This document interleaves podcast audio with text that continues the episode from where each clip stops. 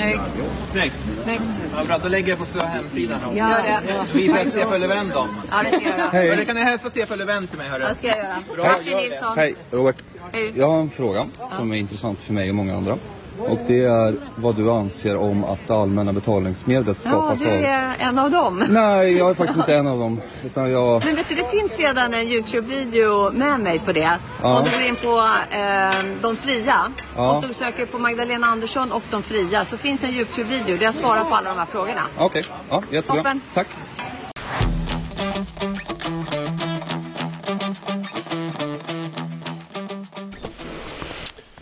Ja, kära vänner. Vi befinner oss i eh, det största folkbildningsprojektet i mänsklighetens historia. Fantastiskt. Fantastiskt. Det är ett enormt projekt. Det är globalt omfattande. Det är mycket, mycket så att säga komplicerat in i strukturerna i samhället i en massa olika länder. Det här måste koordineras och planeras för att det ska bli rätt utfall. Det kräver en enorm planering. Det handlar om eh, vad man i USA till exempel kallar för att vara det, ja, här äh, privata, på något vis, centralbanksystemet, alltså private owned central bank säger man. Varför säger man så egentligen? Det behöver inte vara så att man äger sig. Visserligen äger man ju Fed, alltså så, men äh, det är konstigt det där alltså. Det där med ägande och kontroll, det blir för svårt. Och mycket av det här bygger på att människor ska vilja äga just. Fast egentligen inte spelar någon. Det är bättre att äga sitt hus. Det vet alla. Speciellt de som har lån på det. ja, det får man nästan torka sig under ögonen för. Liksom. Man blir tårögd av skratt alltså. Nej, faktiskt. Det är lite trist. Men eh, det är nödvändigt. Det måste bli på så vis. Det handlar om att skapa en optik som inte går att komma runt, som man säger om herr Engström. Mm, så är det. Vi skriver den eh, 7 februari 2022. Det är en ny vecka. Det blir en händelserik det kan vi garantera. Ja, och måndagar är ju vad de är. Då har vi ett litet måndagsmys. Ja, kära ni. Det är alltså fantastiskt. Den här optiken är ju så viktig. Det gäller att få människor med sig i det här. Det gäller att få, så att säga, struktur på det här. Så att ett mönster framträder. Det handlar om de rättsvårdande instanserna. Det handlar om polisiära verksamheten. Det handlar om, i vårt fall, det svenska rättssystemet. Det handlar om statsförvaltningen. Det handlar om regering och riksdag. Det här. Det gäller att göra optik i alla de sammanhangen som på något vis sammanfaller och samverkar och skapar opinionseffekter som leder i önskad riktning för att så att säga kommande information ska falla i en opinionsbildningsmässig gynnsam mylla. Så är det. Och eh, vi kan väl börja lite enkelt då och eh, konstatera att beslagtagna sedlar värda 25 000 kronor har försvunnit från polishuset i Eksjö. Och det eh, låter ju lite konstigt faktiskt. Och det där läggs ner för det går liksom inte att, att bevisa det där. Det, det är liksom, ja. Hur, hur, hur, hur fan kan det inte gå att bevisa egentligen? Nej, men vi får hoppas att beslaget för narkotika och vapen och, och sådana här saker ändå det sköts under vissa ordnade former i alla fall. Att cashen får ligga och drälla eh, bredvid fikakassan i polishusets fikarum, det får man ju ha viss förståelse för. Så måste grabbarna ha det liksom. Det är ju seriöst. Men ändå. Hur fan, är det verkligen så att de inte har kameraövervakning?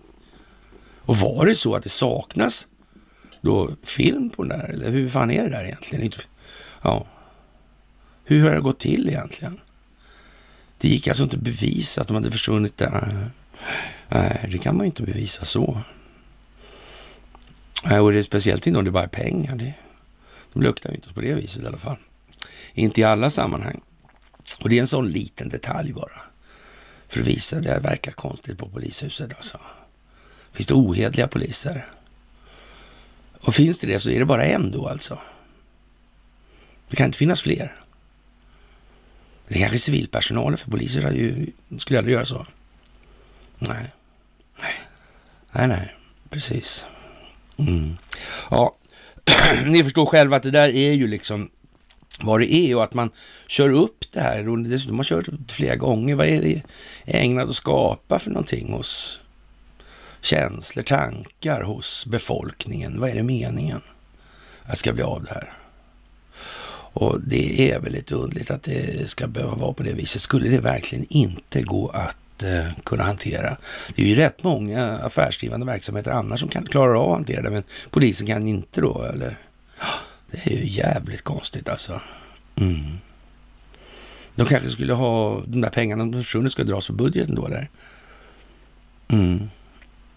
Och lägga skatteplikt kanske, jag vet inte. Ja, whatever. Hur som helst, vi har en liten start på det här, en liten ansats och som vanligt, ni ska ha det största av tack. Fantastiskt, ni gör ett kanonjobb. Det är så roligt att se och konstatera. Och eh, ja, vad ska man säga, sura miner och sura druvor och ja, det är mycket sånt nu här på sina håll. Det är ju det. Vad handlar det här om egentligen? Det handlar om upplysning till ledning och vidare upplysning till ledning och så vidare. Det handlar om det naturliga ledarskapet. Det handlar inte om chefskap. Nej, det gör inte det alltså. Och det måste man tänka på. Ni ska ha ett stort tack för gåvor på Swish och Patreon. Att ni fördjupar er på karlnorberg.se och att ni hakar på Telegramtjänsten. Ett stort tack och applåd för det. Ja, det är naturligtvis lite sådär, ja vad ska vi säga, det blir mer eller mindre övertydligt, men lika förbannat är det som så att det är här vi måste lägga vår största insats nu. Att bryta ner den här optiken till tillräckligt hanterliga bitar för fler människor.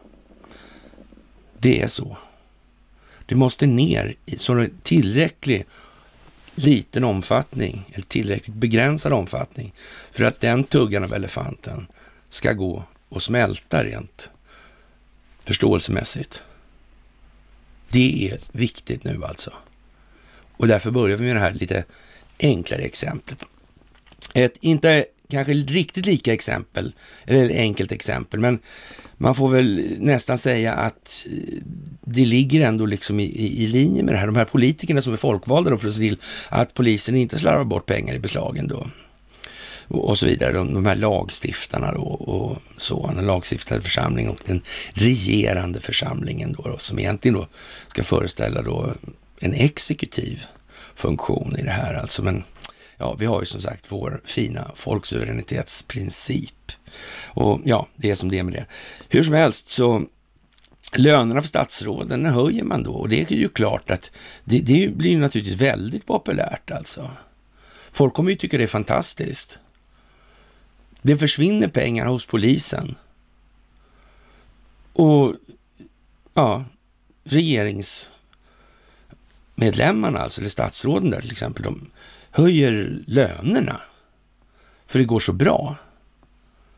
Det är ju klart att Morgan ska ha lite extra cash liksom. Han kanske fick dem direkt från polishuset också. Vem vet? Det går ju inte att utreda som sagt. Ja, Magdalena hon får ju ett lönelyft på 4 000 kronor och tjänar nu 184 000 i månaden och eh, det har statsrådsarvodesnämnden beslutat. Det här kommer ju folk älska naturligtvis. De tycker det är toppen. Varför inte ge dem ett par miljoner på en gång? Allting är ju bra. De hanterar ju det här på ett förstligt sätt. Förnämligt. Moraliskt föregångsmannamässigt. Helt enkelt. Eller kanske inte så. Kanske.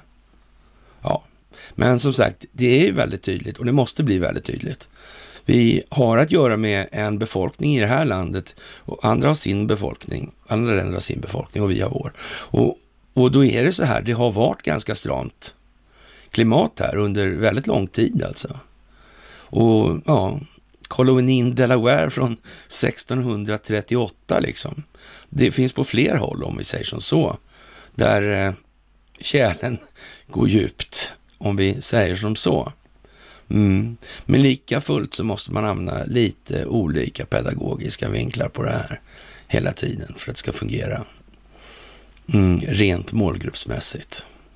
Faktiskt. Men pengar är en bra grej i Sverige. Det är ju viktigt. Folk gör ju vad som helst för pengar. Mm, säljer sina barn gör de också. Om det är så. Får de bara tillräckligt bra betalt så. Det är inga problem. Ja, ja, vad ska man säga? Fantastiskt. Jaha, och eh, det här är ju en riktig soppa till exempel och vi kommer ihåg det här med Jens Stoltenberg och hans nya jobb där på The Private Owned Central Bank. Alltså det är, ja, okej, okay. men de har ju ingen riktig grundlag i Norge förresten. Det alltså har vi tog, tog upp förra gången där med 1814 har de kommit på att nej, nej, nej, nej, nej, nej, det är något fel här liksom. Och vi tog ju hit när, ja, ja, borgarkungen där då. Mm. Ja, just det. Mm. Det var den där grejen också. Ja, ja.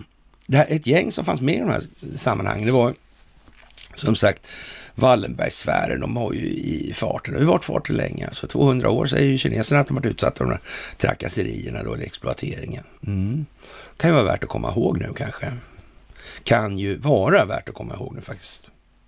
På riktigt. Och Eh, en av Wallenbergsfärens tyngsta direktörer, den före detta Atlas Copco-vdn och nuvarande Ericsson-ordföranden Ronny Letén lämnar inom kort uppdraget som ordförande i ett av Investors innehav för att minska antalet uppdrag enligt uppgift från Investor till DI. Efterträdare blir en annan av Sveriges tungviktare som leder ett av Stockholmsbörsens största bolag. Och det här är ett sådant paradexempel. Det här finns i Dagens Industri då. Och under det här finns den här Ronny då. Och eh, på den här bilden då så finns det två sådana här pilar i kanten man kan bläddra då. Fast man kommer, oavsett vilken man trycker på så kommer man till en bild där efterträdaren dyker upp då. Och det visar sig att den här efterträdaren, han har efterträtt herr Ronny Letén två gånger. Vad gör man så här för egentligen? Är det för att man vill signalera till förnyelse här, förändringar? Eller är det så att man är tvingad att göra det här på något vis? För att visa att det är så här vi gör för att konservera den funktion eller funktionen i maktstrukturen. För det är ju så här också att eftersom de här människorna jobbar i termer av synergieffekter så är det också bra att man har kontroll på de här olika bolagen i sfären då. Och på så vis så kan man ju så säga jobba mer anpassat över sekvenserna i tid då. Och det är ju ganska bra att komma ihåg faktiskt. Och det måste man visa för folk på något vis. Hur gör man det annars? Jag är säker på att det är många som var tacksamma om det fanns enklare eller ja, mer lättförståeliga pedagogiska metoder att göra på. För nu ska man inte heller vara så där att det måste vara så jävla enkelt. Det är faktiskt inte det det här handlar om. Det handlar inte om att bära vatten till hästen. Nej. Det handlar om att leda hästen, men den ska jävla gå själv också. Mm. Och sen väljer du att dricka det. C'est vi liksom. Men så måste det gå till. Jaha, det är många sådana här pedagogiska exempel i de här tiderna. Det är ju bara att konstatera det. Och eh, vi har tjatat om det här moderna kriget till leda, skulle man kunna säga. Tårögd leda, det är därför jag sitter och torkar med ögonen hela tiden. Ja, det här är inte min leda, det är ni som tvingas lyssna på det här. Men vi måste köra det här. Det låter ju likadant hela tiden i princip och det är nyanser som går in hela tiden. Det går i en och samma utvecklingsriktning som vi har postulerat ska komma att göra då. då. Och ja, det är inte så mycket att be för egentligen. Och vi är väl nu mera inne på liksom vilken spelordning blir det här egentligen om man tittar till exempel på utvecklingen i USA med det här valfusket och vad är egentligen vad i det här? Joe Biden, han hamnar i nya problem hela tiden. Det blir bara värre. Den här avcertifieringen eller desertifieringen, den kommer bara närmare. Ja, han har sina utrikespolitiska problem i form av, inte minst, Ukraina-situationen. Sina egna förehavanden i Ukraina, sina egna förehavanden tillsammans med sonen i Ukraina. Sina egna förehavanden tillsammans med sonen i Kina, i Kazakstan och så vidare. Var ligger den gemensamma nämnaren? Hur ser den ut? Vad är det för någonting här egentligen? Ja, han var ett bedårande barn av vår tid, sjöng Karl Gerhard en gång. Ja. För kolonien Delaware och för det lilla som är kvar. Ja, det var väl någon sån där uh, bedårande barn av vår tid. Ja. Mm. Järnkors med HJ var det också, visst mm. 38 års modell och så vidare. Värt att lyssna på, värt att tänka igenom vad han säger för något egentligen. Ja. Svensson skriver växlar på tre månaders tid och var kortare och kortare. Mm. Den här BIS-historien, alltså Bank of International Settlements. Vi har ju sagt det, vet jag inte hur många gånger. ja, man garvar när man tänker på det faktiskt. Hur många gånger har ni hört mig säga? Det där har de vetat från början, vad som ska hända i det här. Det kan ingen säga att ni inte har hört. Alltså, alla har hört det. Ja, och det är så det är liksom. Det här kunde aldrig gå på något annat vis. Aldrig någonsin ens. Nej. Det är helt otroligt egentligen. Mm. Och de som skapade systemet, de kan ha varit medvetna om det här också alltså. Mm. Den här Bank of International Settlements. The Private Owned Central Bank. Fed New York är alltså privat i den meningen. Mm. Det behövs bara en sån kontrollventil. Jag har tjatat om det där med Handelsbanken. Kraschen där 8, 9. Ja. Konstigt det där. Mm.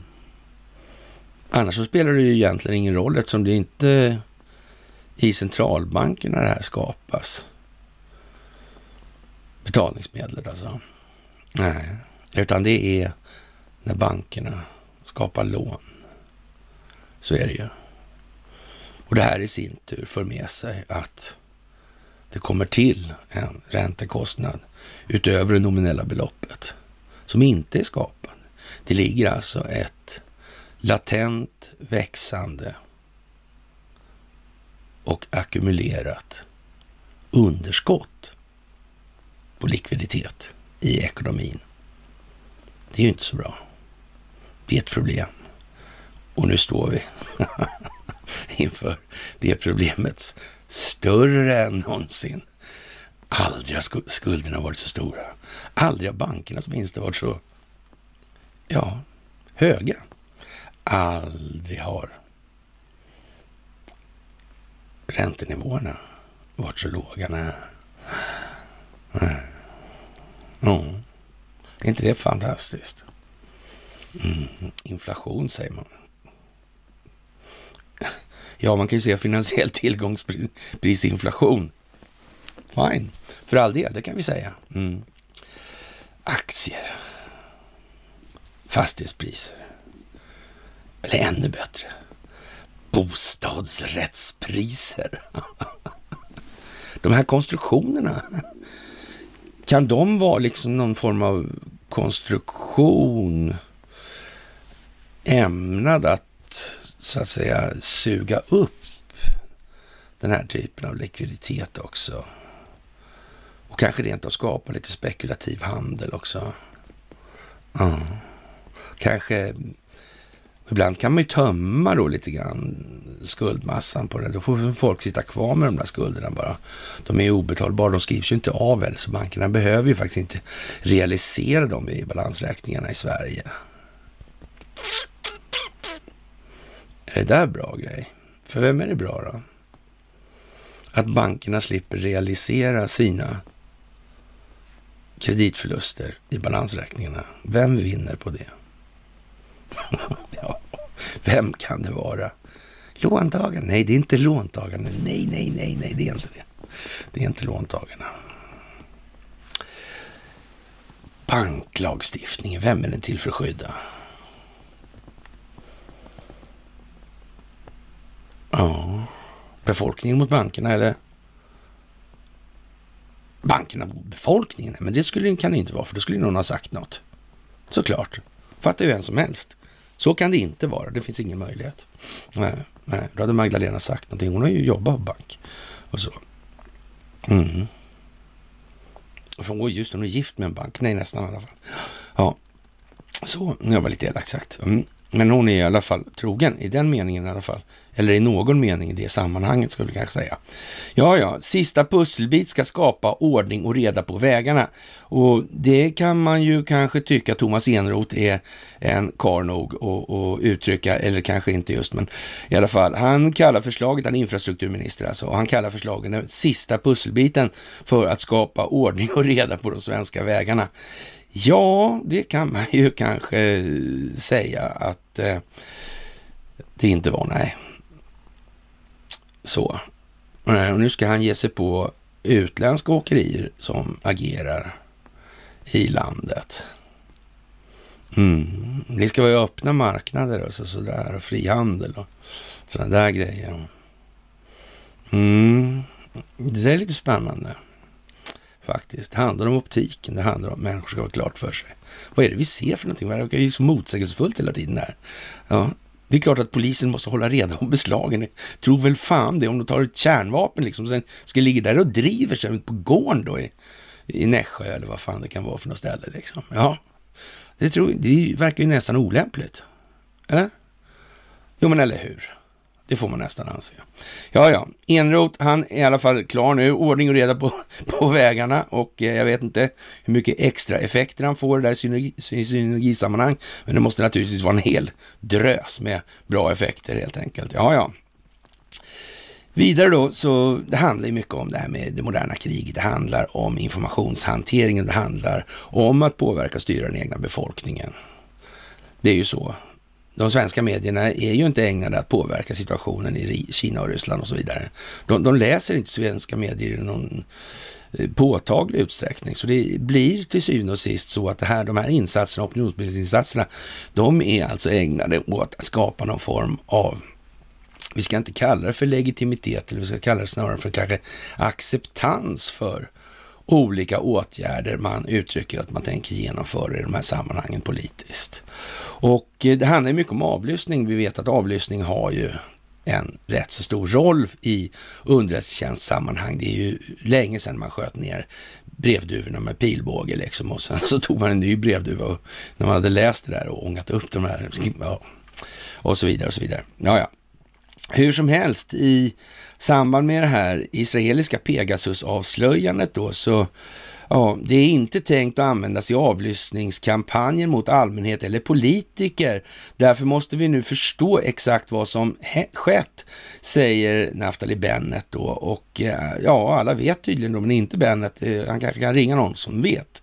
Och det är väl lite sådär äh, speciellt, alltså det handlar om det här BSEC företaget till exempel och som köper sin kärnteknologi där alla andra är tvingade att köpa sin kärnteknologi om de ska vara ute på nätet. Det är ju så det här går till alltså. Och vi kommer tillbaka till de här investeringsavtalsskydden alltså. Eller skyddsavtalen heter det i det sammanhanget. Vad är det för någonting egentligen? Hur länge har det där funnits? Hm, konstigt. Eller inte så konstigt alltså. Mm. En gång på plats så sparkar man inte så lätt ur dem alltså. Det gör man inte. Det begrep de redan från början nämligen. Det går inte så enkelt helt enkelt. Det begrep aldrig ryssarna på det sättet i Uzbekistan. När fiskögat dök upp. Mm. Vips så bytte koncessionen ägare. Men nu var det ju ingen mutare var fråga om, det vet vi alla. Så nej, det var ju inte det. Utan Gulnara, hon var ju helt enkelt bara presidentdotter och det fick ju faktiskt räcka med det. Man gick inte att muta en sån. Så enkelt var det. Mm. Men det där är så dumt. Och det som händer sen, friad i alla instanser. Det sa någonting om det svenska rättssystemet. Men då måste ju det här ha varit planerat för väldigt, väldigt länge sedan. Mm. Men som sagt, när visste man om det här med the private owned central bank? Mm. Som dessutom finns inom ramen för telekominfrastrukturen. Men det är rymdödlorna. ja, ja, det, ja, men det kan vara det. Det ska inte svära på det alltså, faktiskt. Jag får faktiskt fortfarande några sådana där att kolla här nu, kolla här nu bara. Jaha, ja, ja, det vet man ju inte, som sagt. Jaha, energiminister eh, Casha gör, alltså det är nästan sådär Casha gör. Känns som det har med degen att göra, stålar alltså. Lite grann va. Farman bara i alla fall, han sågar Moderaterna, Kristdemokraterna, Sverigedemokraterna och Liberalernas förslag om att utveckla kärnkraften. Det går inte att lura Sverige, Sveriges medborgare, eh, säger den här cashen här alltså, och, och, och elkonsumenter att kärnkraften är den magiska lösningen på allt. Jag vet inte riktigt hur han, så att säga, jag känner inte till hans psykologiska profil i någon sån här djupare utsträckning och omfattning. Alltså det gör jag inte. Men, men, men alltså, nog fan går det att lura den svenska befolkningen. Det, det verkar ju vara liksom en... Ja, det går. Det, det är ju ett understatement alltså. Annars hade vi inte suttit här och sagt det här för vilken gång i ordningen. Det är totalt säkert alltså. Det är så jävla hugget i sten säkert så det är, ja, det är bara så. Så, ja. Han har sannerligen fått den roliga uppgiften att folkbilda det svenska folket. Alltså vilken glöd han har. Alltså det är ju fantastiskt. Och vi, vi tycker det är fantastiskt att, att Cashen han håller på som han gör alltså. Ja, han har hans ja, så drivmedel och energipriser. Det är ju en riktig klippa alltså. Och, och det här med kärnkraften, det är ju naturligtvis mycket speciellt alltså. Och, och jag tycker ni ska slå upp det här Ågestaverket alltså. Man kom på den briljanta idén att lägga då ett kärnkraftverk inom tunnelbanesträckningen i Stockholm.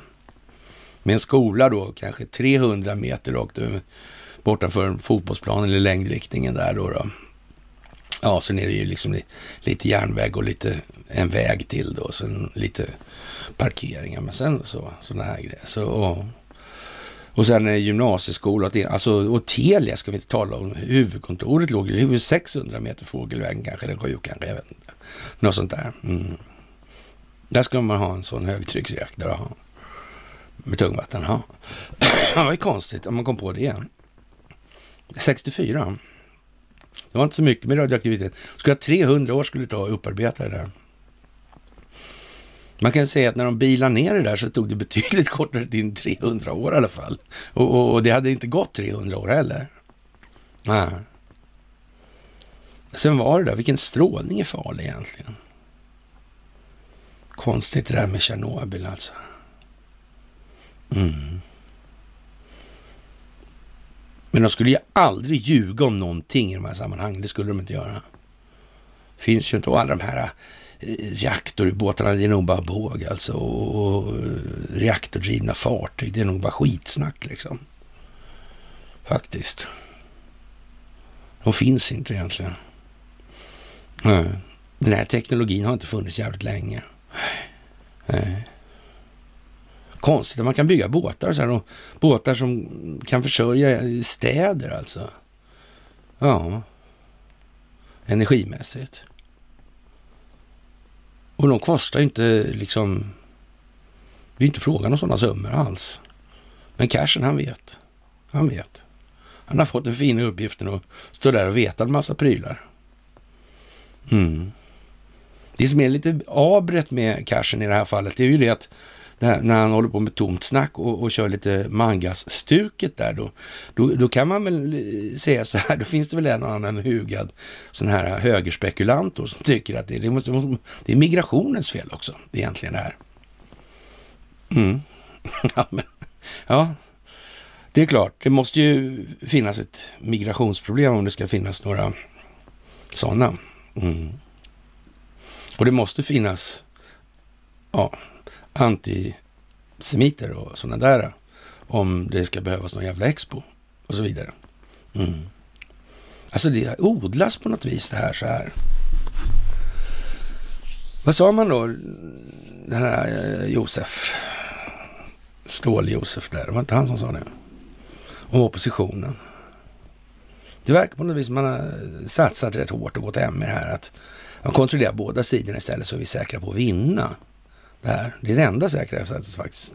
Lite som invasionen av Irak där med Saddam. Man kan ju inte riskera om man sätter igång en sån här dyr verksamhet liksom. Och, och sen kommer en massa jävla näbbiga generaler där med, med Saddam Hussein och hans två söner liksom och säger nej, ni kan vända nu, här har ni det målet med er övning liksom. Eller era lilla insats. Ja, så, det är bra. Chas. Eller?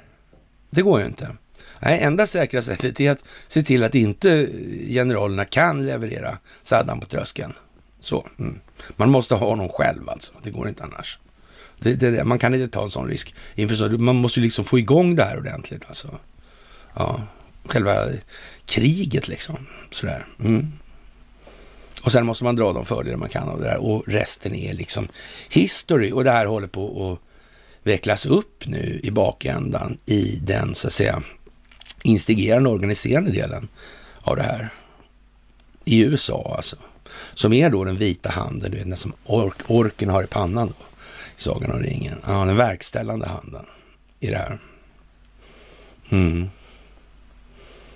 Det där är lite speciellt alltså. Men som sagt, det handlar om informationen den stora delen. Och då blir det telekominfrastrukturen då för det här med NSA alltså. Vi kommer tillbaka till det här alldeles strax. Ja, cashen, han är en klippa alltså. Och eh, vem ska betala för kärnkraften? Ja, vem ska egentligen ha kontroll över den här kraftförsörjningen? Är det någonting som ska ligga i händerna på enskilda vinstmaximeringsintressen? Är det det bästa? Ja, det är ju bara att begränsa utbudet för att hålla uppe priserna.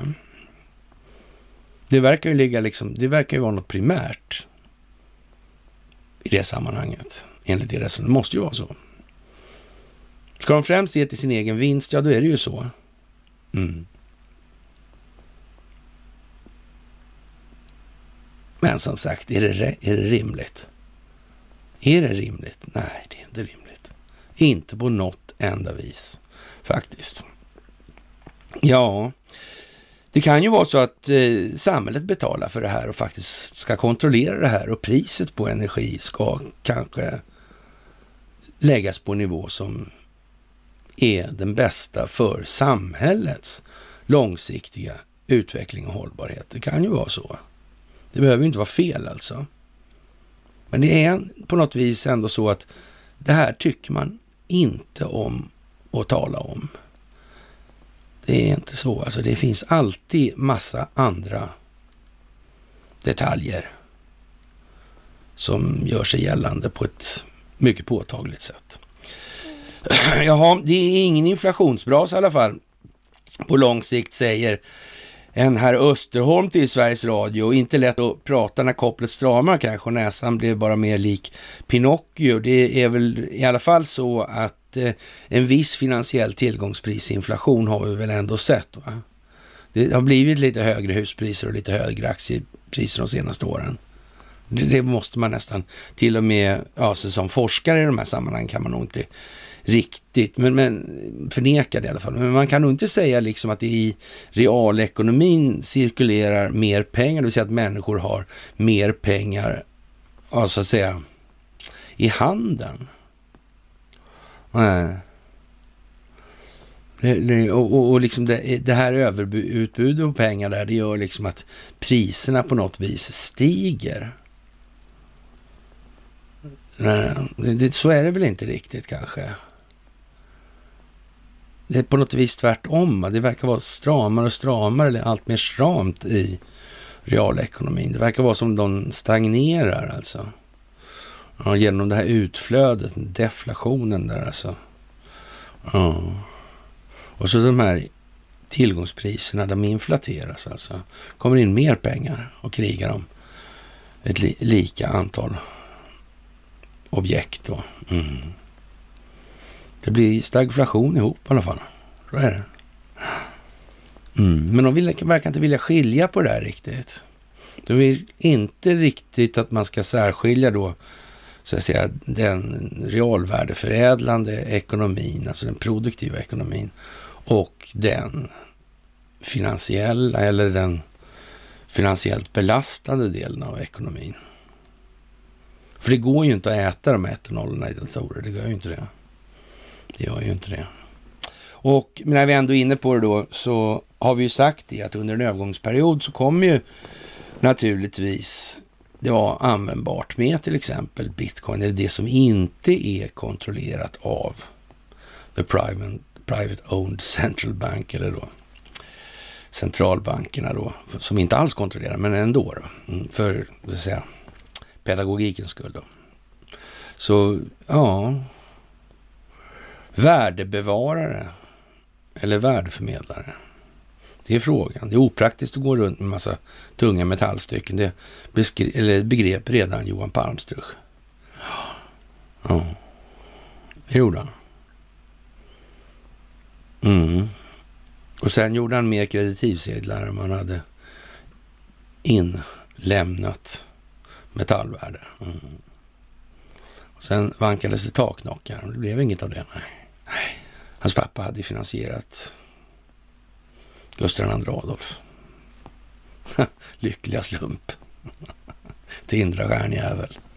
Ja, ja, ja, ja, ja, ja, ja, ja. Det är ju som det är alltså. Som vanligt, som vanligt. Som sagt, Delaware 1638. Ja, en rysk militärbas nära gränsen mot Ukraina där bland annat stridsvagnar och artilleri och annan militär utrustning förvarats har i stort sett tömts de senaste dagarna, rapporterar CNN då, som står inför ett uppköp här. Mm. Mm-hmm. Expressens systerbolag eller sin, deras strategiska partner rapporterar Ja, vilken roll har, vilken koll de har alltså. Och, och, vad är det här egentligen? Men CNN där helt plötsligt får, det är någon bidragsgivare till Donald Trump det där också. Hur var det med det här jallarhornet egentligen? Hur var det med det? Var ligger de här immaterialrättsliga tillgångarna i Facebook? Har de flyttat dem till Meta? Ligger de kvar i Facebook rent utav? Mm. Det är ett eller två bolag. Hur är det där upplagt egentligen? Mm. Mm, det där är som sagt någonting som vi kommer att få stifta bekantskap med mycket närmare inom en snar framtid faktiskt. Som sagt, det gäller att ha kontroll på det här hornet alltså. Masskommunikationen. Det handlar om informationshantering. Det är så. Hela tiden. Det får man inte glömma.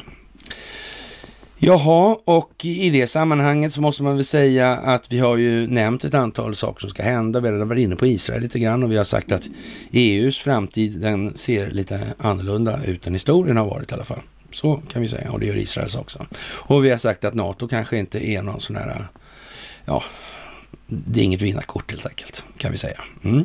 Och sen har vi väl sagt också då att det här med det här koloniala, liksom reminiscenserna av det samväldet, det brittiska samväldet. Alltså. De här gamla kronkolonierna till exempel. Nya Zeeland, Australien, Kanada. Vi ska väl säga USA också då, men ja, ni förstår.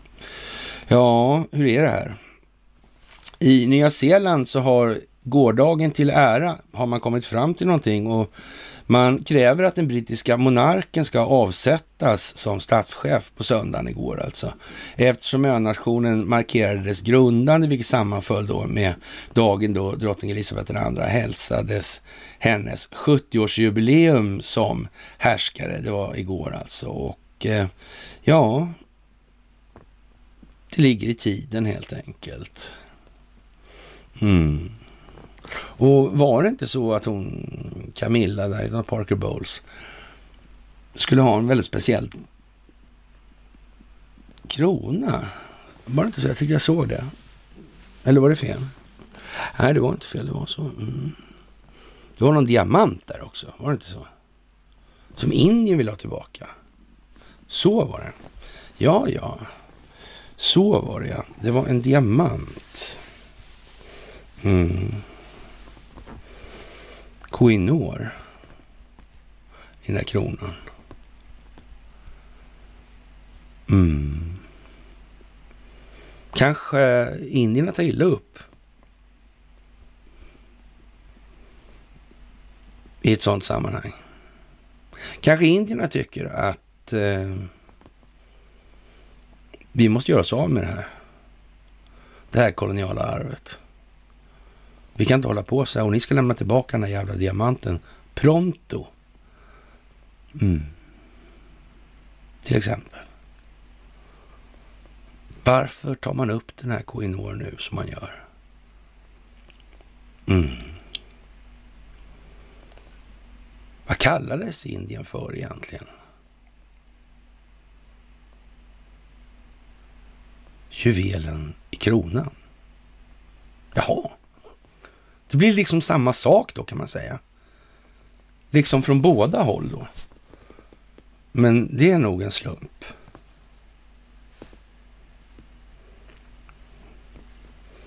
Ja, kanske är det det i alla fall. Kanske. Vi får se hur det blir med den saken.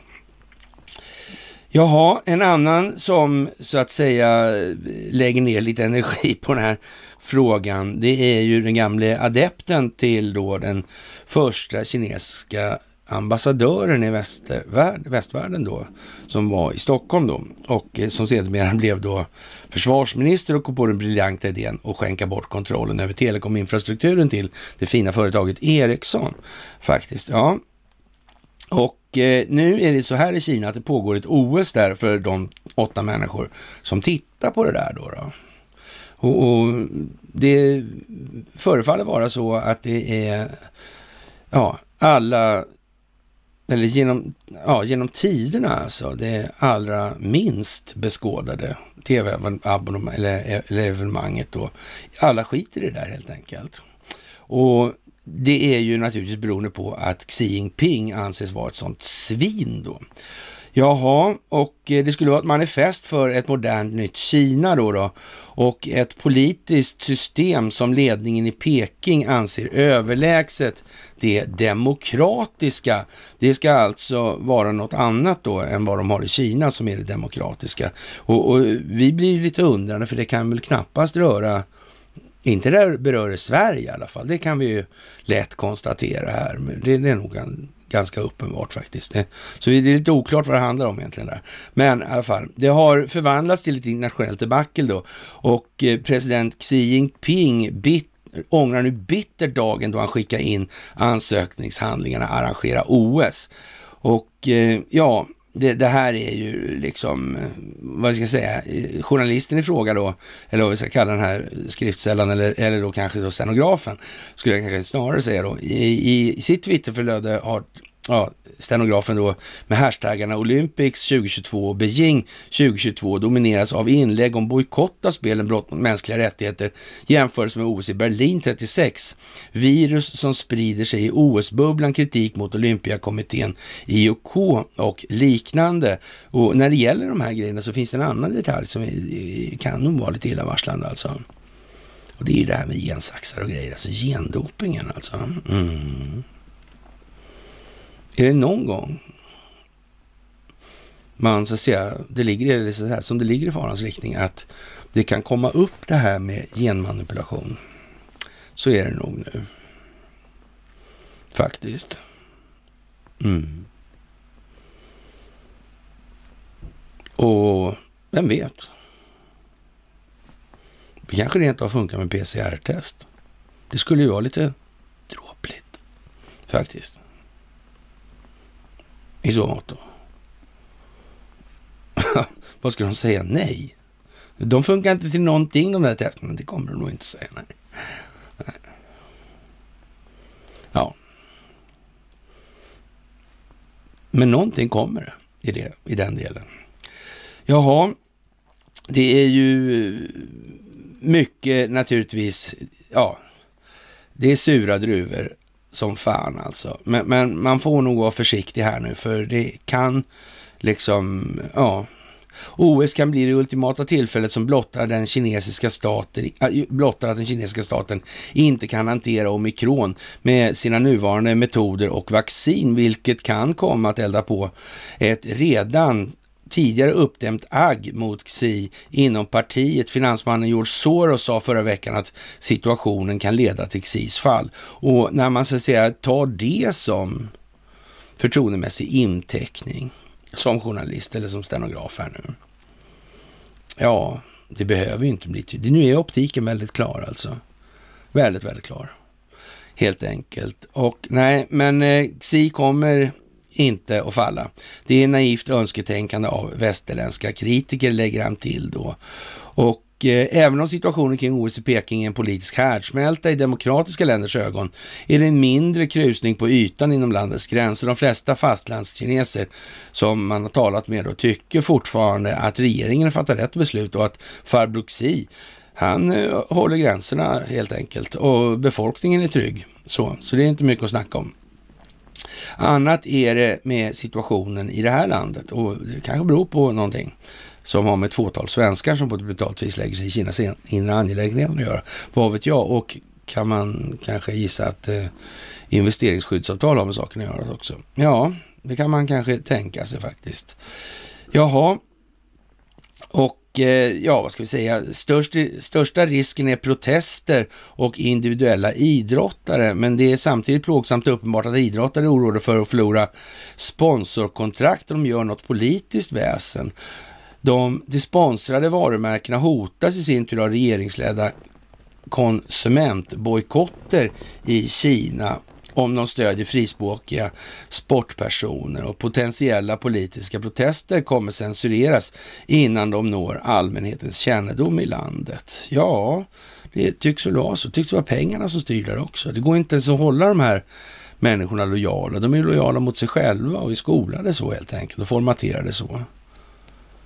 Vad komma här och tro att de ska försvara någon västerländsk modell? För vad? Det skiter väl de i? Tjänar de sina pengar så är det så liksom. Det skiter de i resten. Och det blir svårt att få någon bredare uppslutning då bakom någonting annat än det. Ja, så enkelt är det. Ja, som sagt, Kinas konflikt med väst har eskalerat avsevärt, skriver man då på, i Dagens Industri. Och eh, ja, det är ju som det är med det här folkbildningsprojektet, det är en global historia. Det sker koordinerat. Bilden vi har visat massa gånger, det här med ja, Globen då. Och Xi Jinping, Donald Trump, Vladimir Putin och Recep Tayyip Erdogan. Den kommer att bli episk. Så är det bara. Så är det. Och eh, ja, det här med upplysning är ju vad det är och vinstmaximering är vad det är och allmännytta är vad det är. Så enkelt är det. Vi fick ett litet eh, mail helt enkelt och eh, du kan som du säkert förstår givetvis inte publicera våra artiklar i sin helhet utan vårt tillstånd som du gjort här. Och eh, det är visst gjort på bloggen. Nu ska vi säga för sakens skull att jag har inte ens inloggningen till bloggen. Det är andra som sköter det där. Så.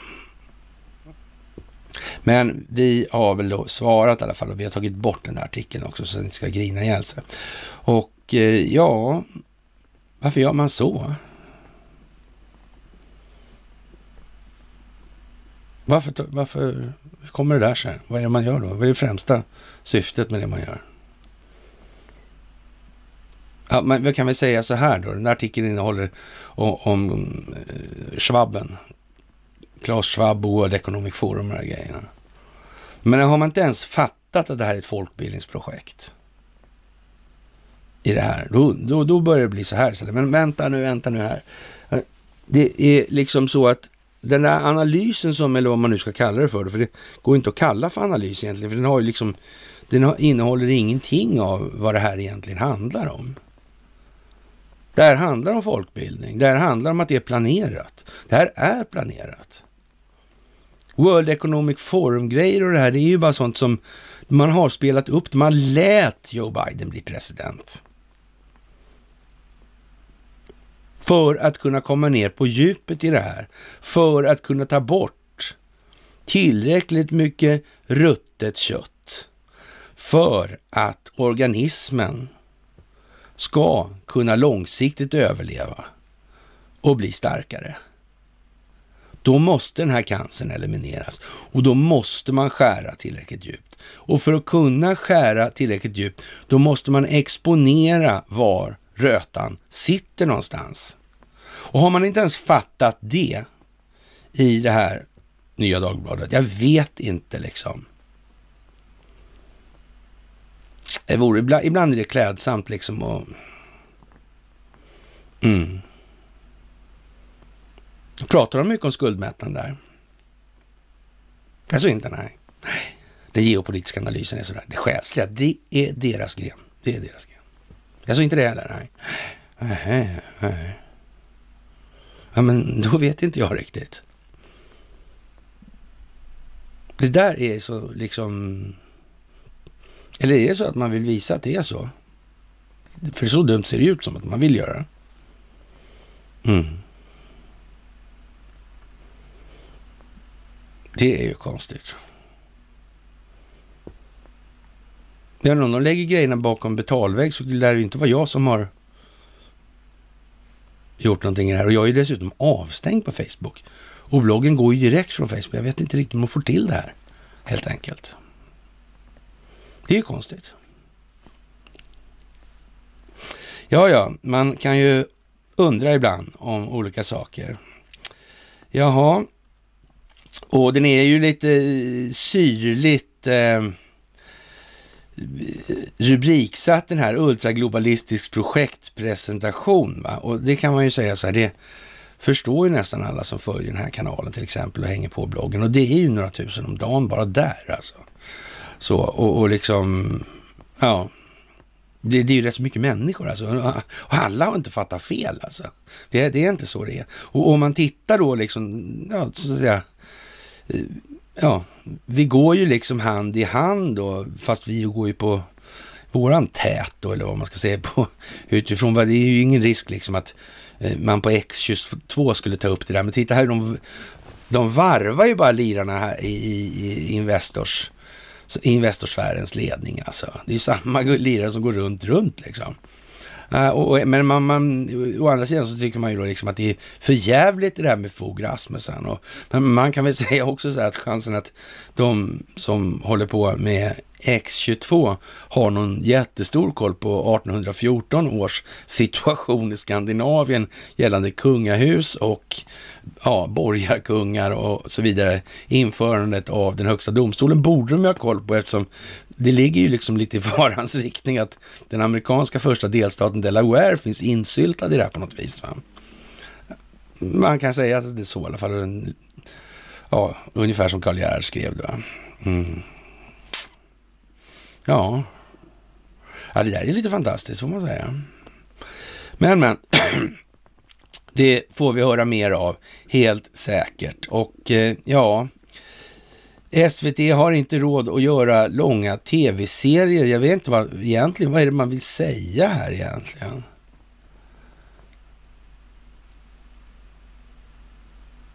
Långa tv-serier. Vad har man sådana till? Är inte det liksom någonting man har för att låsa upp folk? För att folk ska... Ja, klockan åtta är det jag måste hem. Jag måste se nästa avsnitt. Har ni hört någon säga så någon gång förut i alla fall? Jag vet inte hur det är nu, men nu är det i alla fall så här med Netflix och då... de flesta gör väl så att de tittar klart en, en serie rakt av liksom. Det blir lite sträcktittning så att säga, den tid som är över. Som jag har förstått det. Och eh, ja, de jag kan räkna ut innehåller ja, underliggande budskap eller kontextuella meningar och sådär, då, då kör så fort som möjligt. Liksom. Mm. Men nu kan de inte göra det längre, de har inte råd. De har ekonomikris alltså. Ja, ja, det är ju som det är med den saken naturligtvis och det har också någon form av optiksyfte. Det här. Så vi får väl tacka för att de inte har råd att låsa upp folk på det sättet som de har gjort tidigare.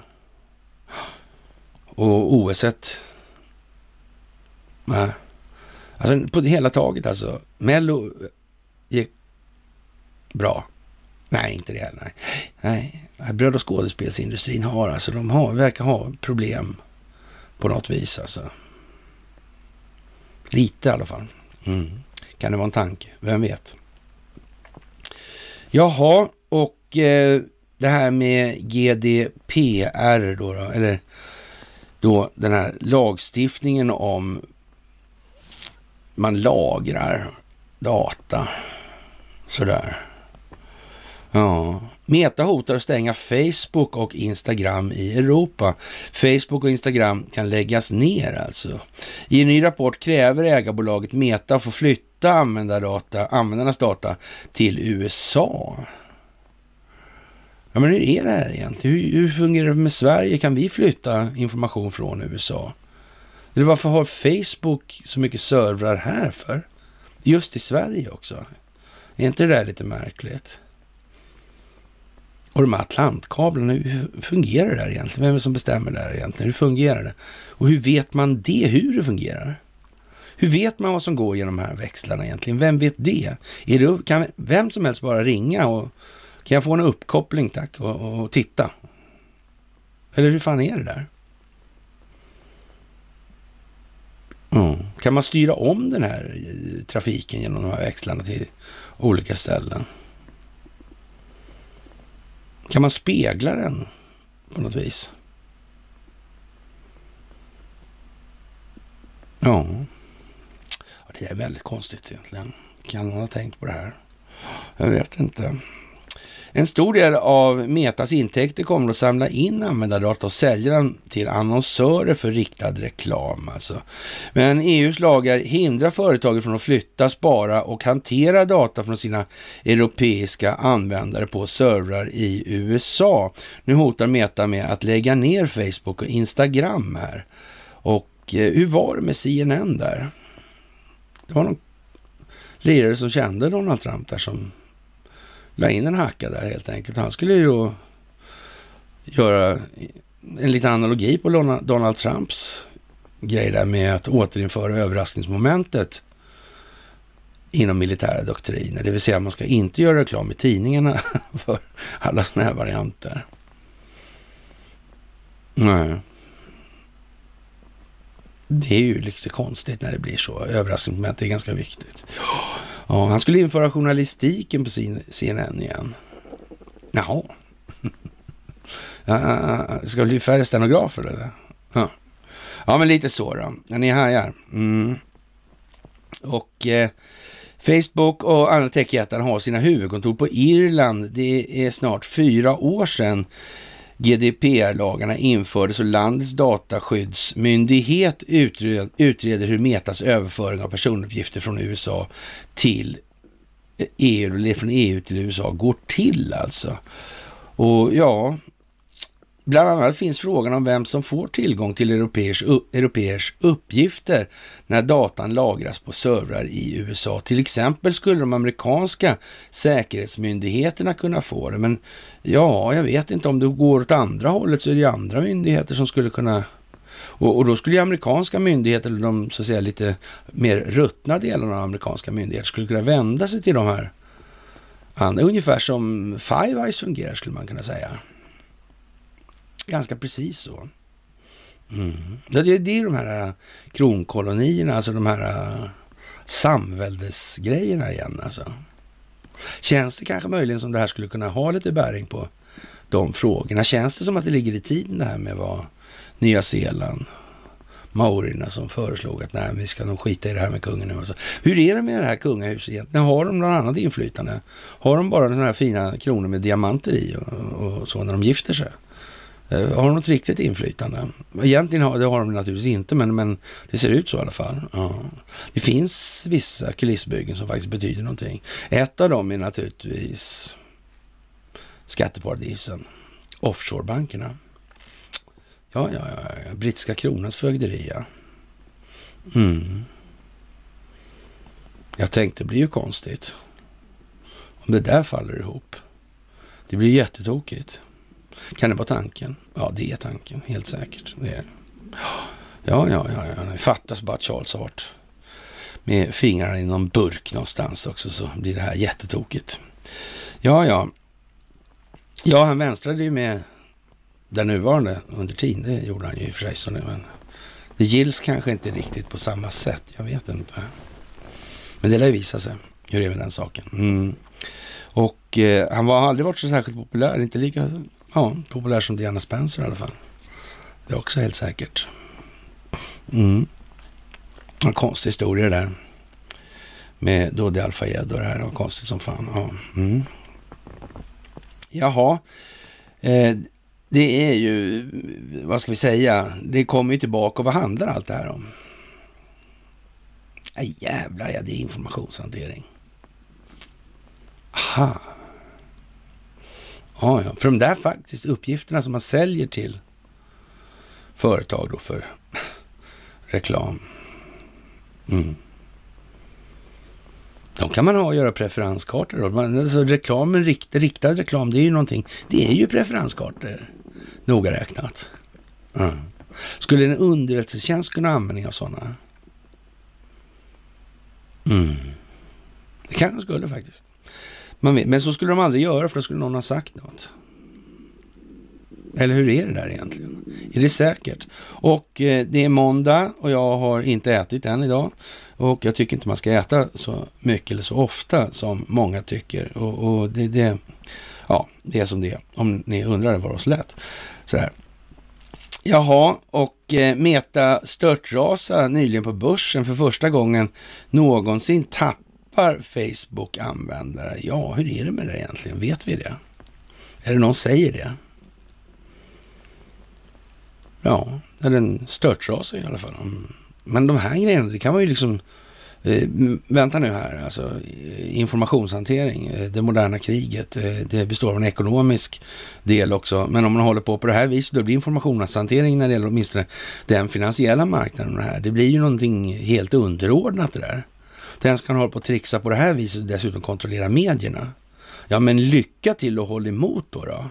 Får vi se. Det kommer inte bli så bra. Alldeles helt jävla säkert. Det är så. Faktiskt. Jaha. Men att Facebook och Instagram skulle stängas ner i Europa, det tror inte analytikern Daniel Westman alltså. Och Eh, ja, det har funnits diskussioner om molntjänster och här har man börjat se lösningar där datan kan stanna i EU. Och det där molnet är någonting som är geografiskt placerat så, enligt hans förmenande låter det som i alla fall. Och eh, ja, det här är i grunden en politisk fråga, men jag tycker inte att det här är då för hårda eh, grejer då med, med, med, persondata och integritet. Att man kör lite hårdare med de som bygger sina affärsmetoder på den här typen av datainsamling tror jag eh, det har ett ganska stort stöd alltså. Ja, hur ska man se till att de inte gör det då? Mm, vem kollar det? Gör rörmokare Jonsson på Säfflegatan i Karlskrona det? Det lär han inte göra, nej. Och innan man vet av så har det väl förmodligen kunnat expandera en smula då kanske. Ja, vi får väl se hur det blir. Helt enkelt. Och, men de har säkert glömt det på planeringsdetaljen på de som, hos de som motverkar den djupa staten. De har naturligtvis inte kommit ihåg det. Vad skulle de göra det för? Eller så har de ju kommit ihåg det här. De glömde inte 80% delen av det moderna kriget, det gjorde de inte. Nej. Och vad vi ser är ju optiken. Som belyser att de kommer ihåg det här. Men man måste ta det i delar. Det går inte. Man tappar alldeles för mycket. Folk tröttnar då. Jaha. Och eh, det här med Justin Trudeau och Kanada. En annan kronkoloni. Ja. Vad händer om man tar bort det här lag, rättssystemet i det här Nya Zeeland, Australien och Kanada? Mm. Men då blir det ju inte så bra för samhället, det är alldeles säkert. Så är det ju. Och den här roliga historien, vi har kört runt den lite i chattgrupperna, grupperna, de interna. Och ja, hur är det egentligen med trudelutten? Alltså? Och det här faderskapet. Det har ju gått en skröna, har ju gått länge. Och, om Fidel Castro och trudeluttens morsa och med, med, ja, som verkar ha varit lätt promiskuös alltså. Mm.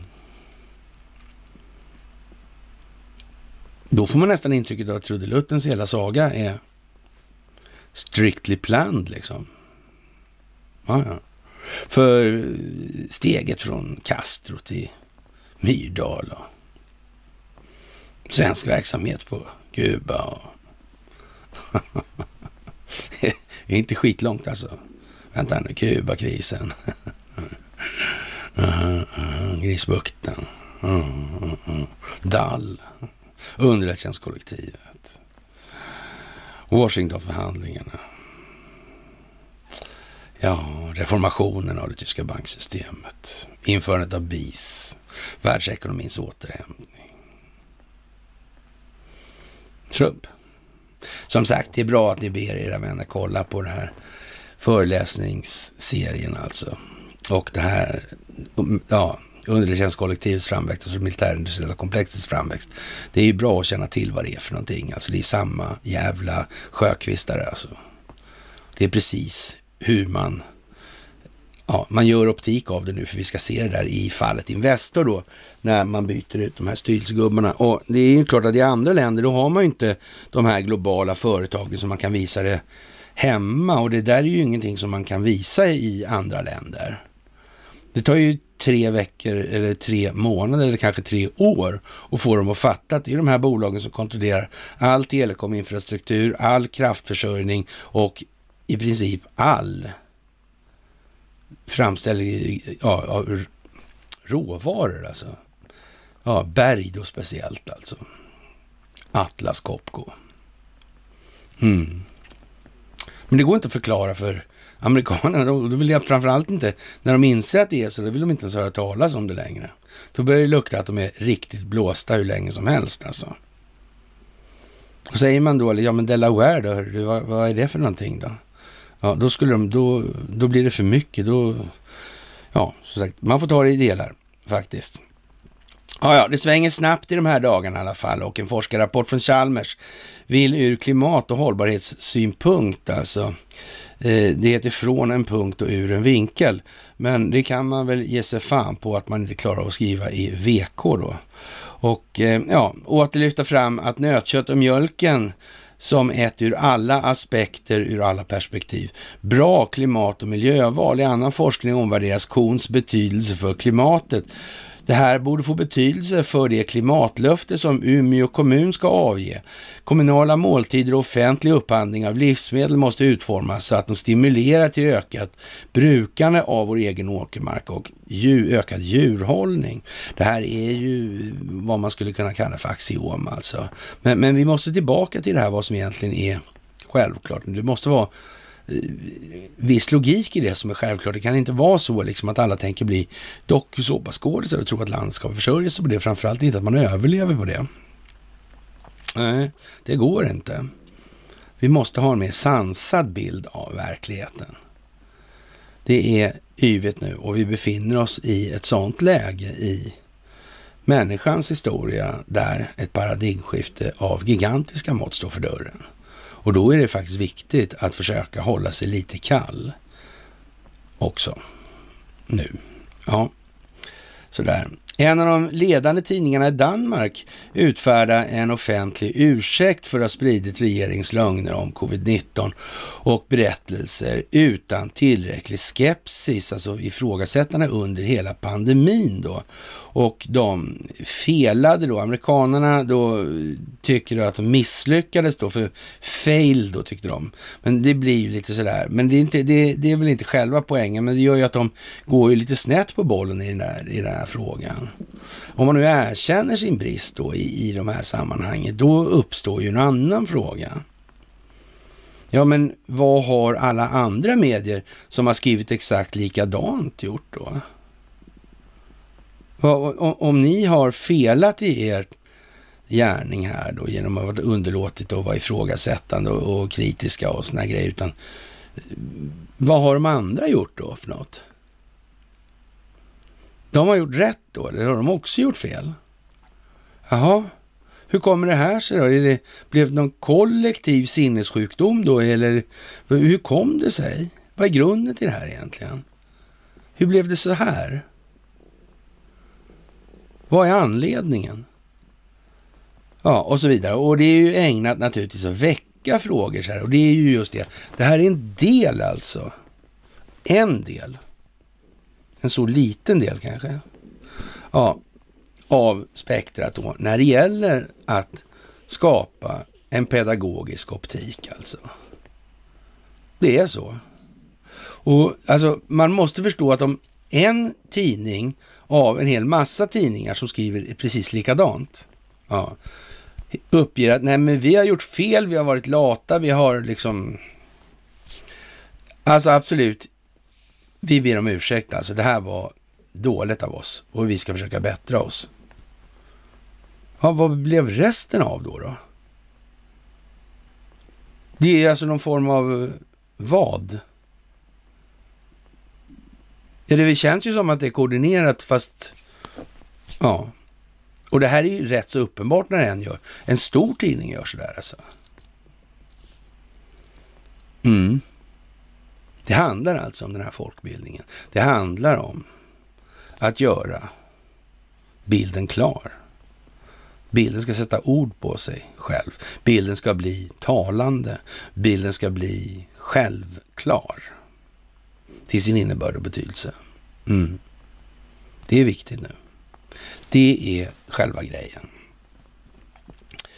Jaha, Andreas Cervenka, han står väl på då och eh, har nu lagt sig i den geopolitiska analyssvängen helt enkelt. Och Putin behöver inte dina sparpengar, säger Andreas förnumstigt där. Och eh, ja, han kör väl lite sällskap på rygg då på Anders och Wolfgang skulle man kunna säga. Det, det är ju lite Schibsted över den där gruppen så att säga. Och eh, ja, hur ligger det här till då? då? Mm. Det här med krigshotet. Vad är det för någonting? Det här med samverkan. Det finns ingen sån alltså. Nej. Och nu spelar det ingen roll om man säger de är ju för sent på bollen. Det duger ju inte att komma och säga det nu liksom. Idiot, håll käften. Du menar att du, hur kan du förklara det på ett bra sätt så vi ska tro på dig liksom? Då kommer du med den förklaringen först, annars kan du hålla käften liksom. Mm. Nu är det ju svårt liksom att säga så, nej men det här är ett folkbildningsprojekt och det här går ut på det och det. Aha, ja. Och jag är tvingad att göra så här. Jag ville inte. Jag ville skriva som jag gjorde förut, så, men det gick inte längre. Så kom jag och sa att du måste skriva så här istället. Ja, fick jag göra det. Ja. Jaha, vad bra då. Att du säger det i alla fall. Mm. De sitter där de sitter, helt enkelt. De valde vad de valde. Existerar den djupa staten i Kina eller inte? Ja, det kan man verkligen fråga sig. Va? Xi Jinping, han har en idé om det i alla fall. Det handlar om ett fåtal svenskar till exempel. Det handlar om de här företagen. Det handlar om att de här företagen på något vis ja, lyckas nästla sig in alltså. Det är ju jävligt konstigt alltså. Och eh, allt det här då, ja, har möjliggjorts genom så kallade då investeringsskyddsavtal. Sådana avtal introducerade på 60-talet alltså. Och eh, till saken ska man väl säga då att 1960, det var ungefär 27 år innan Huawei bildades. Man kan säga att Huawei bildades en stund, eller inte så lång tid efter, att eh, Ericsson fick fingrarna på telekominfrastrukturen i Kina av den här fine försvarsministern som för tidigare var ambassadör i Stockholm. Som var en jävla händelse. Kompis med Jan Myrdal by the way alltså. Så, bara så ni vet det alltså. Ja, och som sagt, det här introducerades på 60-talet. Ja, Ja, det finns ju de företag som använt sig av sånt här sedan dess. Eh, Ericsson är ett sånt företag alltså. Mm. Men det ser ju lite svårt ut att, att, komma åt den vägen kanske, för de har ju skrivit på det i den ändan. Det blir ju lite annorlunda då om man lyckas vända på det här, eller har lyckats vända på det här som man har gjort nu då. Och eh, det här var tänkt att skydda företag som investerade i länder med opolitliga rättssystem då. Det här var av olika skäl problemat, problematiskt från allra första början. Men idag har, med, har det blivit allt vanligare att stater med fullt utvecklade rättssystem ger investerare samma utökade rättigheter. Se där ja, man blir inte av med dem alltså. Det är det det handlar om. Ja, det här handlar om eh, långt mer än 5G-nätet. De nya avtalen låser eh, genomförda låser in genomförda privatiseringar. Ja, se där, det är, var väl märkligt ändå alltså. Fallet med Huawei är första gången Sverige stäms, men inte första gången som landet hotas av sådana här stämningar. Ett australisk, australiensiskt gruvbolag hotade att stämma Sverige när riksdagen förbjöd uranbrytning, men föll på en teknikalitet. Skadeståndskravet uppgick till 17 miljarder, långt mer än hela miljöbudgeten. Och eh, ja, det här är ju konstigt alltså.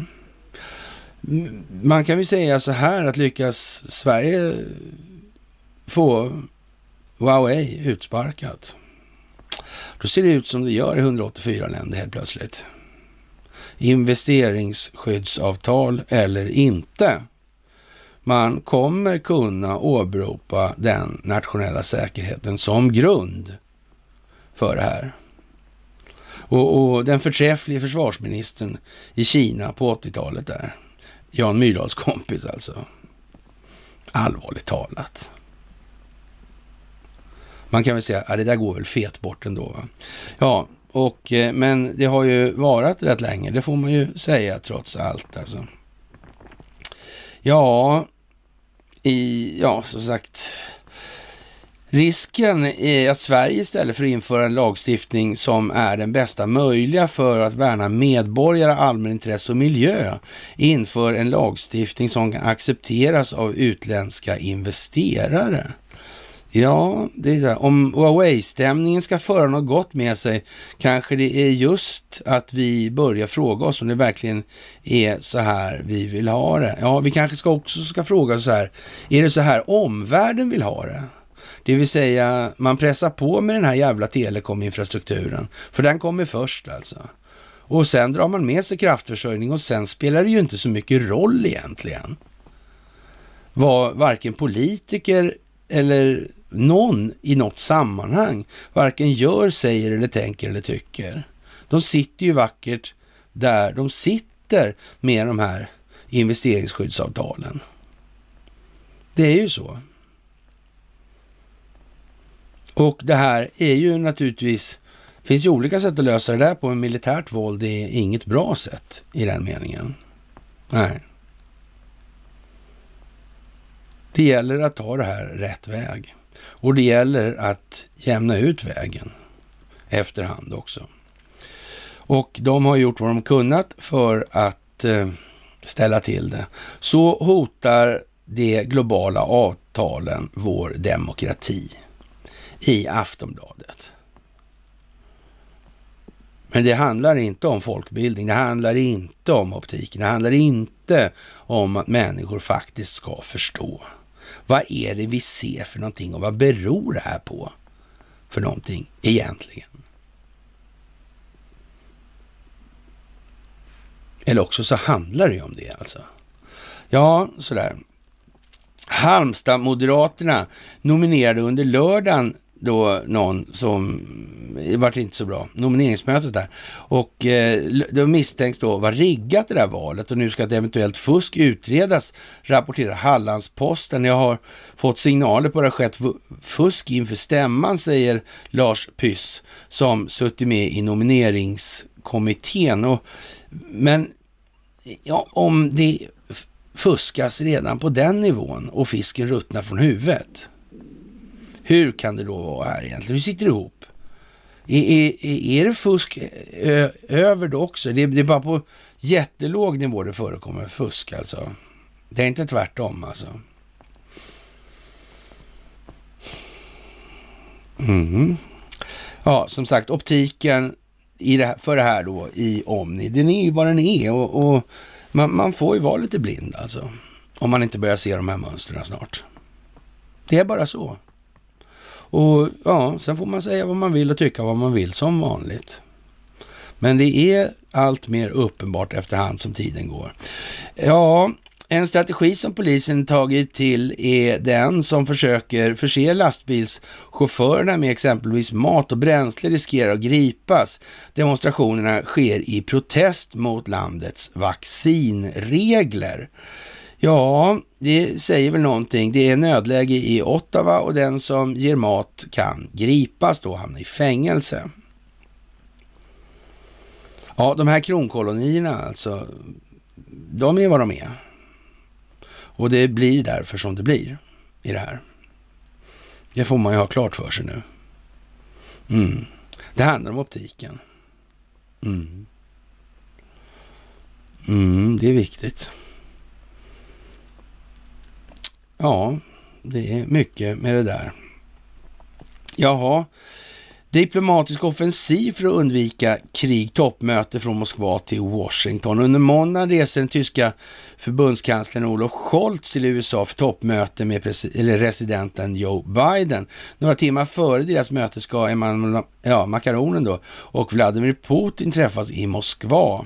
Och eh, ja, de springer runt med sina byxor runt anklarna och alla tittar på helt enkelt. Och det här med situationen i Washington, den är mycket speciell. Nu, hur är det där med uttrycket Obama i källaren alltså?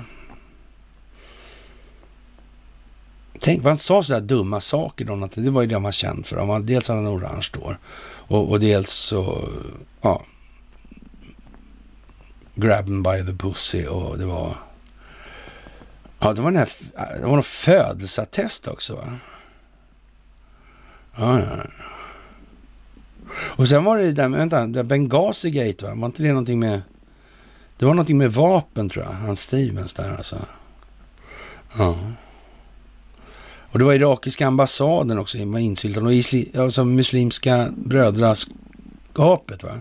Var det, det var det hans Khashoggi, Khashoggi, Khashoggi, Khashoggi, ja. Han, han, var väl inblandad i det där, hans familj var väl vapenhandlare. Mm. De, de försåg mig med vapen också.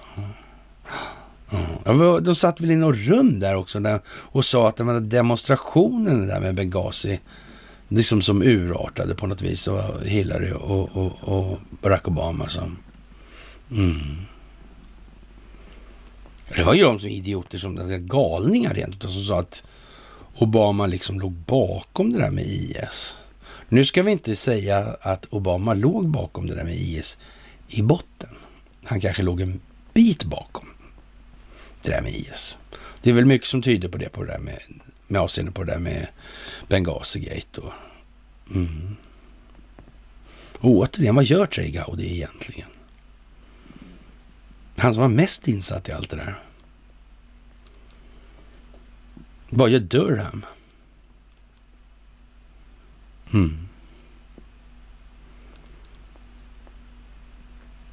Trigaudi tyckte han måste vara hemma med familjen kanske. Det var inte så viktigt det här med den globala kampen mot den djupa staten. Nej. nej, nej. Han tyckte att han hade annat att göra liksom. Spela fotboll med ungarna kanske. Ja. ja. Ibland får man nog finna sig att man får sin lott där i livet skulle jag säga. Det kan jag faktiskt förstå. Ja, det är lite intressant på hela taget. Jaha, Folkhälsomyndighetens generaldirektör Karin Tegmark Wisell sa i sitt framträdande i Agenda igår att det är för dyrt att fortsätta erbjuda testning för allmänheten vid symptom på covid-19 och det kan väl bero kanske möjligen på att de här testerna inte fungerar överhuvudtaget. Kan det vara så? Och att det är liksom det där med varvtalsregulatorn tänkte jag säga, hur många cykler man kör de här. Har en viss roll för, eller det spelar en viss roll för hur resultatet blir. Kan ju vara så. Mm. Det kan vara så. Faktiskt. Ja, ja, det är bra att tänka på också. Mm. Polischefen i Ottawa beskriver situationen som en belägring med fyrverkerier och fordon som kör på trottoarer och konstant tutande. Även många som inte är lastbilschaufförer deltar i protester och demonstrationerna sker i protest mot landets vaccinregler och eh, som sagt, de som ger mat till en covid covid-demonstrant i Ottawa kan alltså gripas och lagföras för det. Ja, men det är ju ganska tydlig optik. Är, är det här rimligt? Nej, alltså, ja. Den där är konstaterad liksom intellektuellt död vid det här laget. Ja, ja det är därför man tar bort restriktionerna. Mm. Men det behövs olika på olika håll. I Sverige kommer naturligtvis någonting annat som de andra inte kommer i drabbas av i samma omfattning.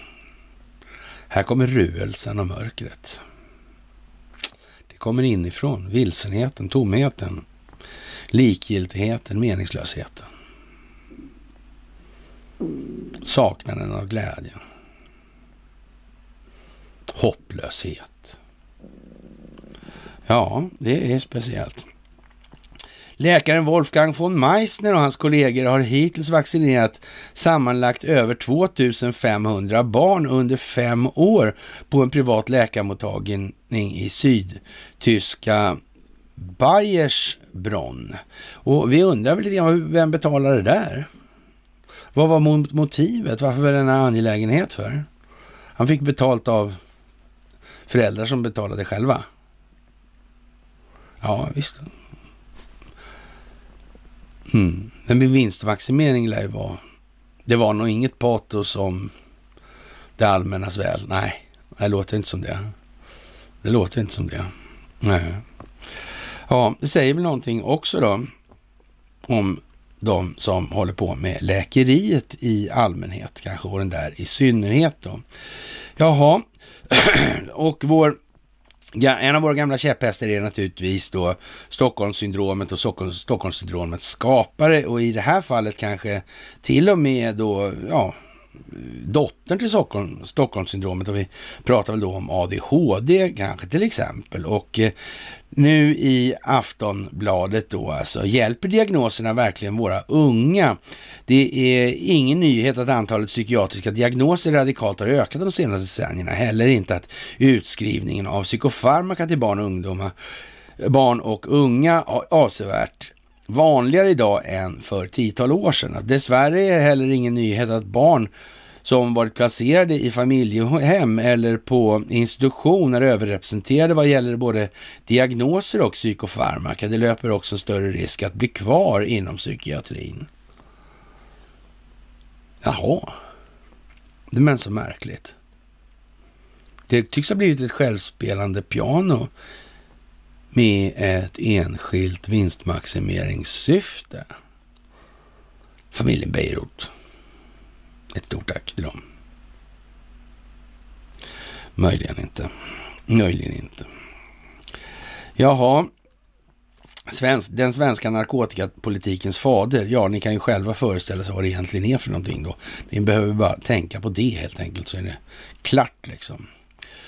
Jaha, Ottawas borgmästare, han tycker i alla fall att nu är det verkligen nödläge helt enkelt. Och eh, behöver vi korrupta ledare, frågar någon sig. Och eh, ja, ledare är ju inte korrupta för då är de inte ledare helt enkelt. Då är det ju någonting annat.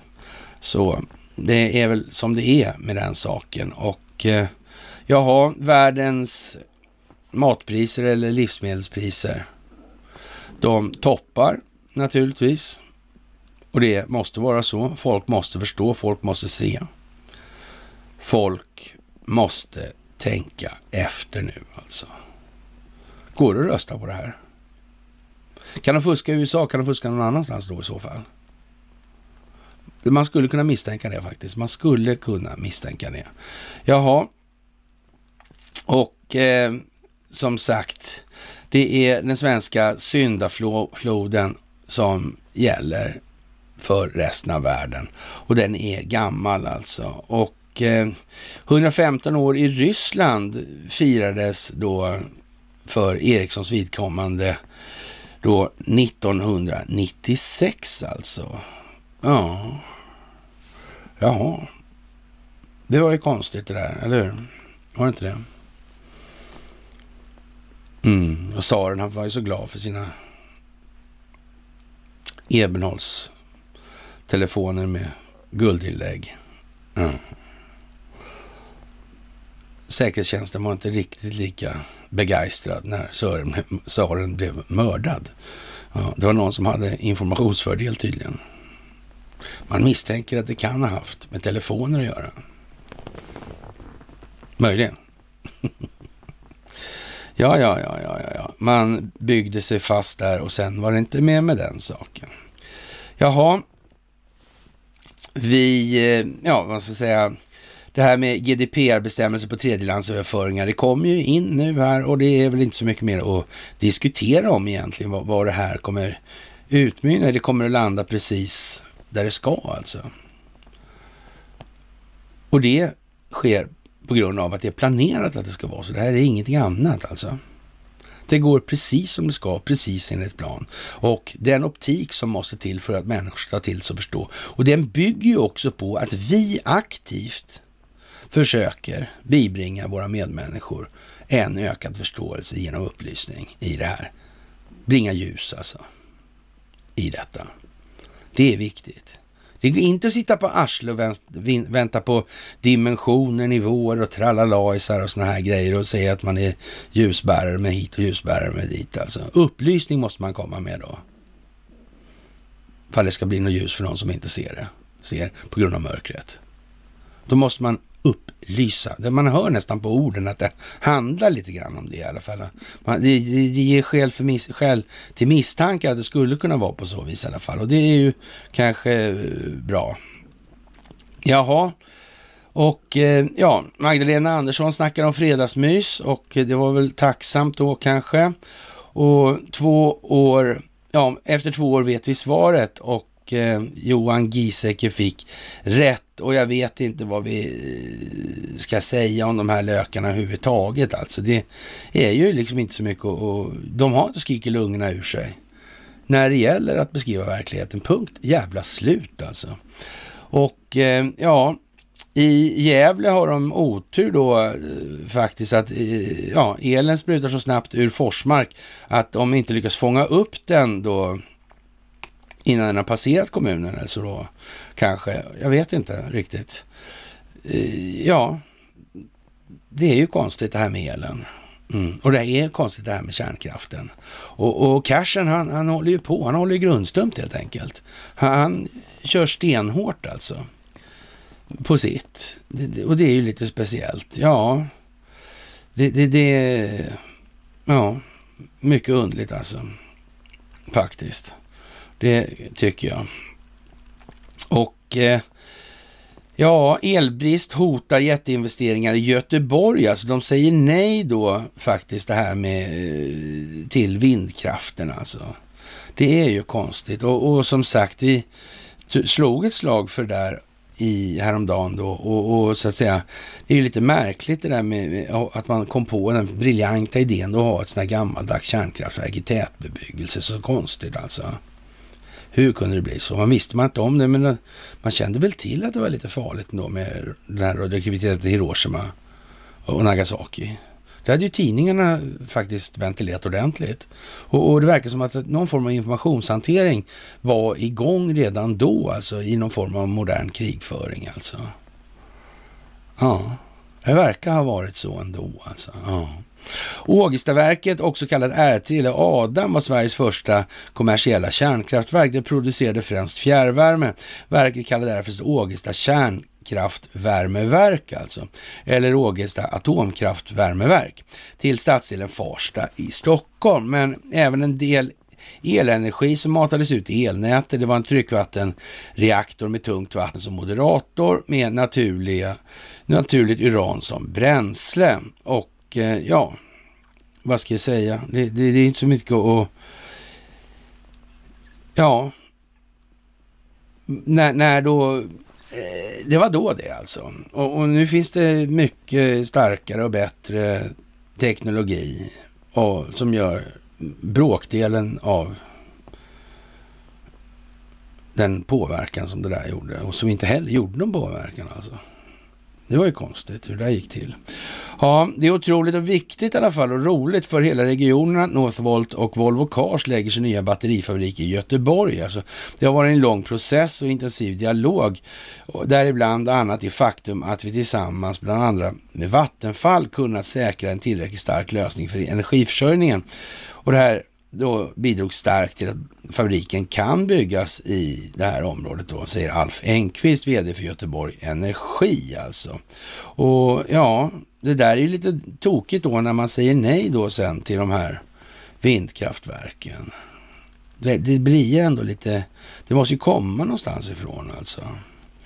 Det vore ju, ja, Northvolt och Volvo Cars etablering ryms inom den nuvarande kapaciteten för elnätet då, men därefter det finns en uppenbar fara att vi kommer att tvingas säga nej på grund av otillräckligt med elnätskapacitet alltså.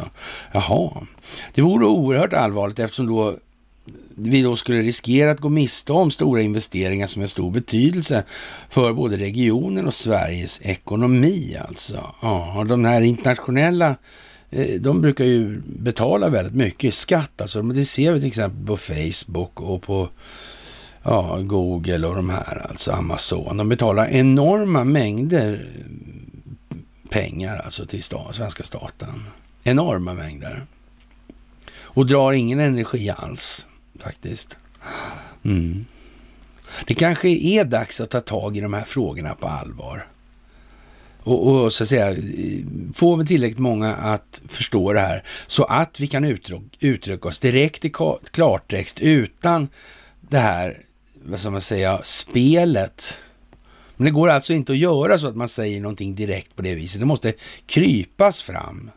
Det måste tas i delar, annars blir det för mycket kognitiv dissonans direkt. Alltså, det går inte. Det handlar om en viss pedagogik alltså i det här.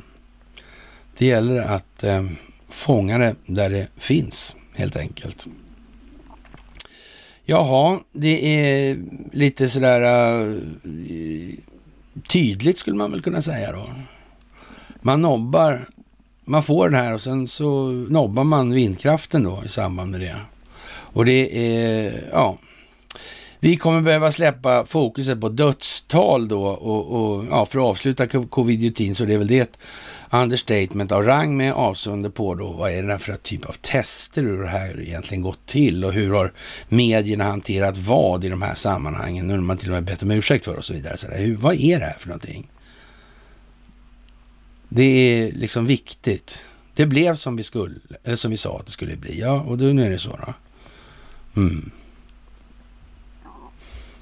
Men eh, det är ju inte så att folk, eh, ja då så, okej vi ger oss nu. Mm. Vi, nej, det är inte så. Det fortgår ju och det kommer att fortgå och det får vi räkna med fortgår. Det kommer att bli vad vi ska ägna resten av återstoden av våra liv till. I en eller annan omfattning. Naturligtvis blir det mycket, mycket, mycket, mycket, mycket lättare efterhand och kanske inte ens särskilt betungande.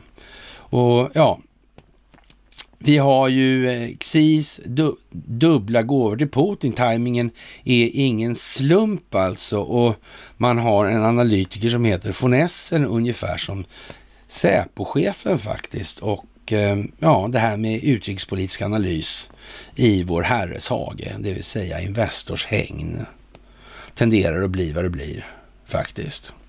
Bilden på Xi Jinping, Vladimir Putin, Donald Trump och Recep Tayyip Erdogan är också vad den är i det sammanhanget. Den är ingen sån bild som man tittar på på analytikersidan inom den djupa statens hägn. Det vill man inte höra talas om, att det finns folk som har förstått det där. Det är dåligt. Icke desto mindre så är det helt obestridligt faktiskt. Jaha, och eh, ja, jag vet inte. Någonstans så går det naturligtvis en gräns för vad,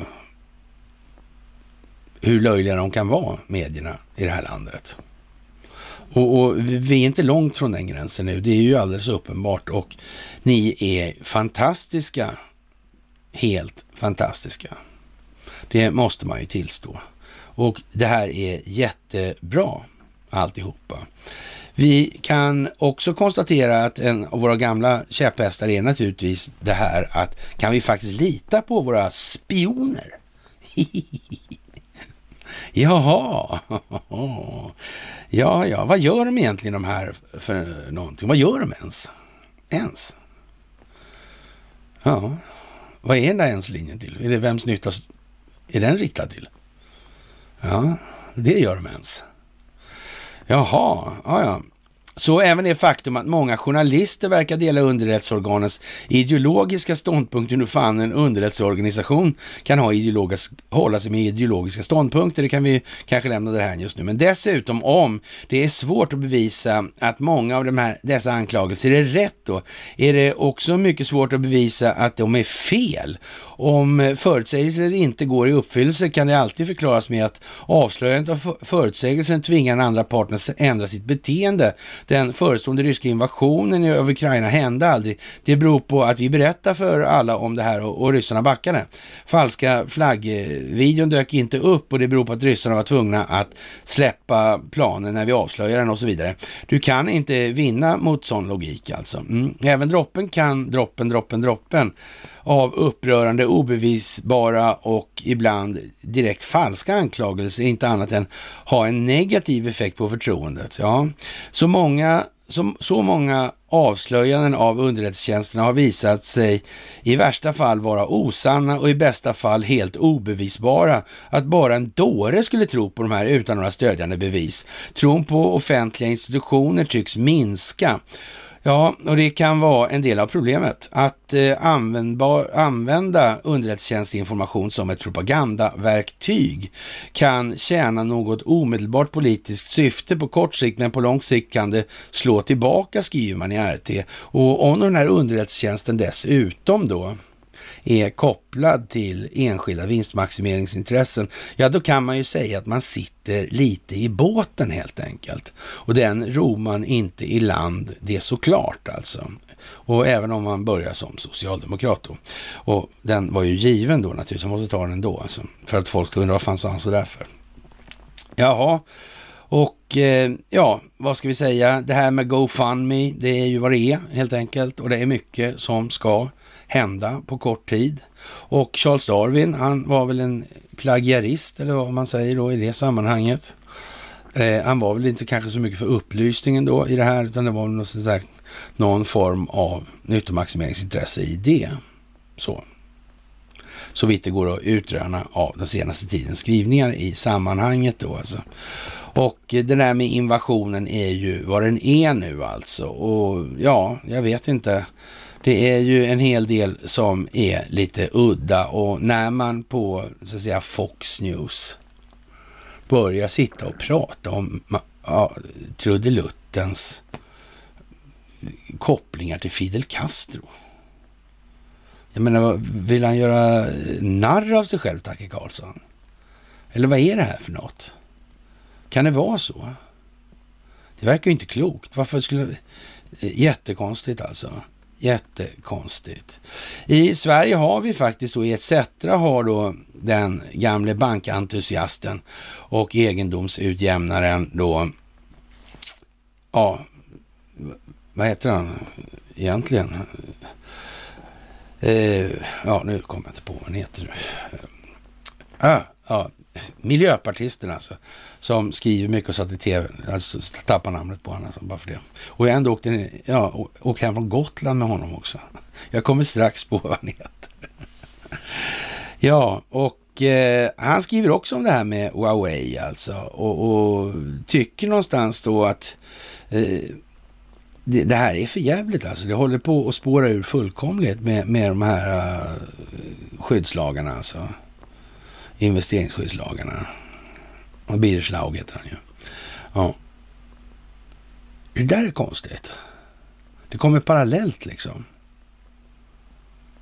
Det är väl lite märkligt. Ja, det kanske är tanken. Kanske en planering någonstans. Birger har i alla fall ett visst renommé i de här kretsarna så att säga fortfarande. Alla har väl inte liksom sett igenom allting. Så det må ju vara liksom att det kan vara lite svajigt, men, men i huvudsak i, i stort godkänt alltså. Så. Och det här är ju, ja, det där är ju... Eh, nu är det ju inte så att svenska politiker borde bli överraskade vare sig av summan eller den uteblivna transparensen i de här sammanhangen då. Och eh, Sverige ligger ju på, så att säga, i frontlinjen när det gäller att applådera frihandelsavtal. Problemet i applåderna är att applåderna dånar även när frihandelsavtal alltmer övergår till någonting helt annat, nämligen maktförskjutningsavtal, avtal som stärker bolagens makt på bekostnad av det folkvaldas makt. Nu är det ju så att där har Birger lite problem helt enkelt. För det folkvaldas makt har aldrig varit någon makt i någon som helst egentlig mening. För all makt i de här sammanhangen, det utgår från ekonomin. Och ekonomin är ingenting som ja, politikerna har ett enda finger med att påverka. Inte något, noll. Bankernas pengar styr en ekonomi som kontrollerar politiken. Mm. Så är det. Jaha, och, och, det där är ju liksom frihandelsavtal handlar till en, handel från början om att riva tullar för att underlätta handel och sedan tillkom regler för att eliminera fragmentering av marknader. Det vill säga att enskilda länder går före genom att ställa högre hälso och miljökrav på produkter och därmed förhindra varornas fria flöde. Nu innehåller så kallade frihandelsavtal allt längre gående investeringsskyddsavtal. Politiker ska inte, politiker ska inte ostraffat kunna ändra regelverk så att investeringar. Investerande bolags vinster går upp i rök genom hårdare miljökrav eller till exempel klimatrelaterad lagstiftning. Avtalen innebär att det är okej okay att avreglera och sälja ut, men att återföra det som privatiseras till offentlig ägo är svårt eller rent av omöjligt. Det är en sorts ideologi, ideologi som bygger på att större hänsyn, hänsyn ska tas till ägares kapital, ägare av kapital än samhällsmedborgare. Därmed har de stora bolagen med de stora resurserna getts möjlighet att ta stryptag på demokratin. Och hur länge hade det varit då? Det är också sådana grejer som man mm, lite till, ja inte så bra för Birger alltså. Det var, sa vi 60-talet va? Ja just det, 60 ja. Ja just det så, det var ju då någonstans 27 år va, innan Huawei och sådär. Det, det har Birger glömt lite grann. Men man får ta eh, liksom det onda med det goda lite grann ibland sådär. Och, och det är ju många som lyssnar på honom sådär. Och, och eh, ja, vad ska vi säga? Någonstans så vi sitter onekligen på ett sluttande plan där frihet och rätt för kapital dränerar frihet och rätt för människor. Hur vore det om den politiska debatten skulle handla om det kanske? Ja, möjligen skulle många överraskas av att det vore en hel nudistklubb som avlöste varandra i talarstolen. Det var ju väl formulerat och det förstod han att de bara ljög och skojade allihopa. Och det borde ju han veta. Och rättare sagt, man förstår varför han vet det, om vi säger som så. Mm.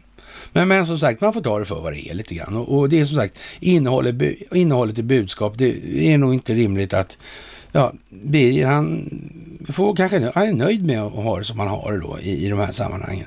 Som sagt, jätteproblem med Melodifestivalen. Vi är så ledsna för det helt enkelt. Vi vet knappt eh, vad vi ska ta oss till alltså. Och eh, man sa ju nej till det här vindkraftverken, vindkraftparken på västkusten.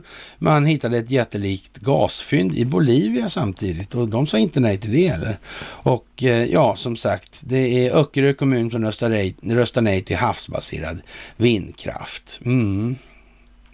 Miljöaspekterna och miljöutredningarna på det där är naturligtvis inte klara. De har byggts ändå tidigare här och det kommer att bli ungefär som med regleringen av älvarna.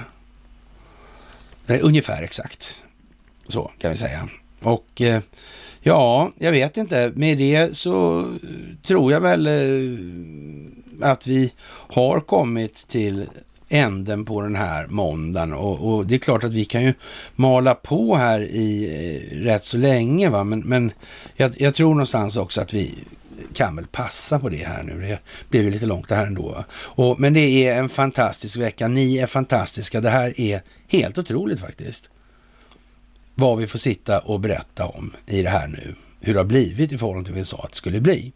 Och eh, det är jätteroligt att se hur ni utvecklas. Och även om jag i vissa chattsammanhang kanske kan bli rätt torr mellan varven när jag tycker att det ja, engagemanget är lite sviktande på sina håll helt enkelt. Ansträngningen är inte påtaglig då. Om jag säger så menar jag inget. Men det är för att det är rätt mycket alltså. Så. Ni är fantastiska och det är otroligt roligt att göra det här tillsammans med er. Det vill jag ha sagt också. Och med det, kära vänner, så tackar vi för det här måndagsmyset. Så hörs vi senast på onsdag för nu är det så att säga skarpt läge. Hej!